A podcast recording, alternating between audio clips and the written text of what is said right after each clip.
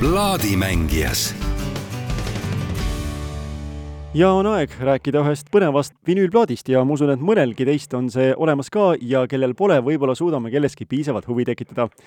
plaadipoe psühhoteek omanik Ahto Külvet on lahkesti ühe plaadi taas välja valinud, tere Ahto! tere, tere, tore teid kuulda ja see plaat on sellise laheda nimega ka, ansamblit nagu nimega Singer Vinger. selline plaat võiks tõesti olemas olla.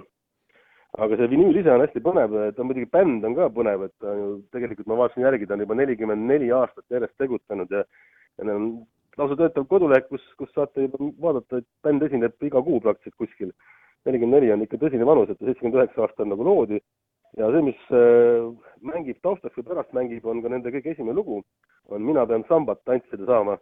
praeguse sellise, kui, kui nüüd on, väljas on talv ja libe, siis sellise ilmaga on see, see tegelikult räägibki sellest, kuidas siis Tallinnas, Tallinnas talvisel libedal ajal on keeruline sambat tantsida ta oli sellepärast ka kuulus või on kuulus, et see Hardi Volmer, kes seal laulab, et ta on äh, mees, kellel ei püsi ükski laulusõna peas, et ta alati kõik, äh, kõik sõnad äh, laulmise ajal loeb paberi pealt maha ja, ja ega ta ka väga, väga hästi viisi ka ei pea.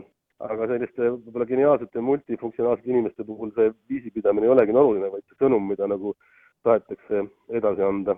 aa, muuseas, see plaat on nagu väike niisugune mõistatus ju, sellepärast et kaheksakümne üheksandal aastal ta tuli välja ja plaadi kaane peal on äh, foto tuhande üheksasaja kaheksakümne kaheksanda aasta Rock Summeri esinejatest, see on ühispilt, kus siin on äh, Johnny, John Lydon ehk siis Johnny Rotten põhimõtteliselt on kõige keskel, ehk inimesed, kellest aasta varem ei oleks võinud unistada ja nad kunagi satuvad Eestisse.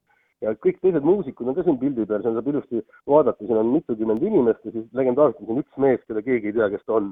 siin on siis see nagu plaadi, plaadi kaane pildi peale hiilinud Finger Vinger on ka omamoodi mäletus nimi, sellepärast tegelikult see bänd on siis kandnud nimesid nagu Sülf ja Päratrust ja Uus Vaev ja Turist ja Trust ja Aken ja mitte sellepärast, et nad oleks hullult tahtnud oma nimesid muuta, vaid sellepärast, et nad eh, nõukaajal ei olnud sellises nagu esinemiskõlbulikud ja neid päris nagu ära ei keelatud, et kui nad uue nime võtsid, siis nad said jälle uuesti edasi esineda.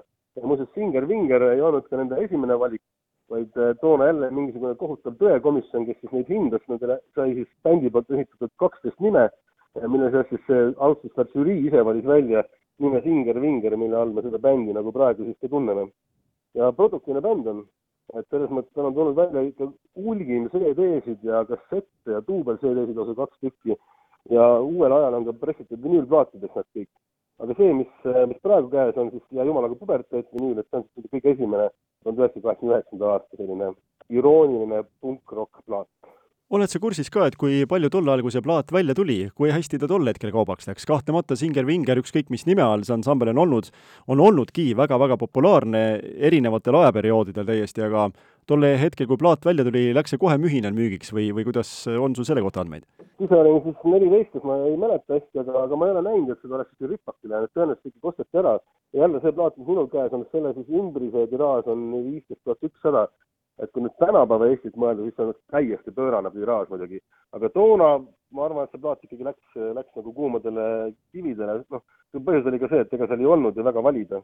et see, mis müüki tuli, eriti kui seal oligi vähegi hea muusika, siis kõik ostsid selle ära kas sinu kätte jõudis see siis, kui sa olidki teismeline või tuli see siis, kui sa juba plaadipoodi pidama hakkasid? Pigem, kui ma plaadipoodi hakkasin pidama, aga see, minuni jõudis ka ikkagi seesama, see mõistatus plaadikaas, kus on üks üleliigne mees, et see on nagu et see on nagu väga lahe sihuke leid või sihuke, aga jah, muidugi, muuseas, see käib sellega kokku, et kogu see sõnum ja see bändi olemise viis ja võib-olla ka plaadikujundused on ju sellest, et nad äh, suuresti kõik olid ju Tallinnast äh, Kunstiakadeemia ehk ERK-i tudengid ta on nagu ERK-i bänd. Ehk siis seal on nagu sellist nagu äh, kunstlikku maailmavaadet hästi palju. sa käid ise plaate ka mängimas, et kui sa nüüd võtad selle vinüüli ette, siis millised lood on sellised, mida sa saad tõesti sisuliselt igale publikule mängida soovi korral? no sõltub publikust, aga sama Mina pean sambat tantsida saama on tegelikult nagu suurepärane tantsulugu ka. ma olen seda tõesti ka mänginud korduvalt äh, pidudel või üritustel, et siis seal on ka inimesi, kes nagu mäletavad seda lugu või et see on nagu selgroos ja võib-olla isegi sõnu teavad ja et seda jah, seda kindlasti, see on minu, minu nagu see ja no Raha hääl on muidugi ka teine lugu, aga noh, see mina pean sambat tantsida saama, on ikkagi väga lahe mitte samba lugu sambast. kas võikski see olla täpselt seesama muusika, mida hakkame kohe kuulama, Mina pean sambat tantsida saama? suurepärane, sellest väga hea lugu, võtke, see on üle viie minuti pikk, istuge maha ja pange klapid pähe või, või keerake raadio kõvemaks. aitäh sulle, Ahto, ja uute kuulmisteni! aitäh, kuulmiseni!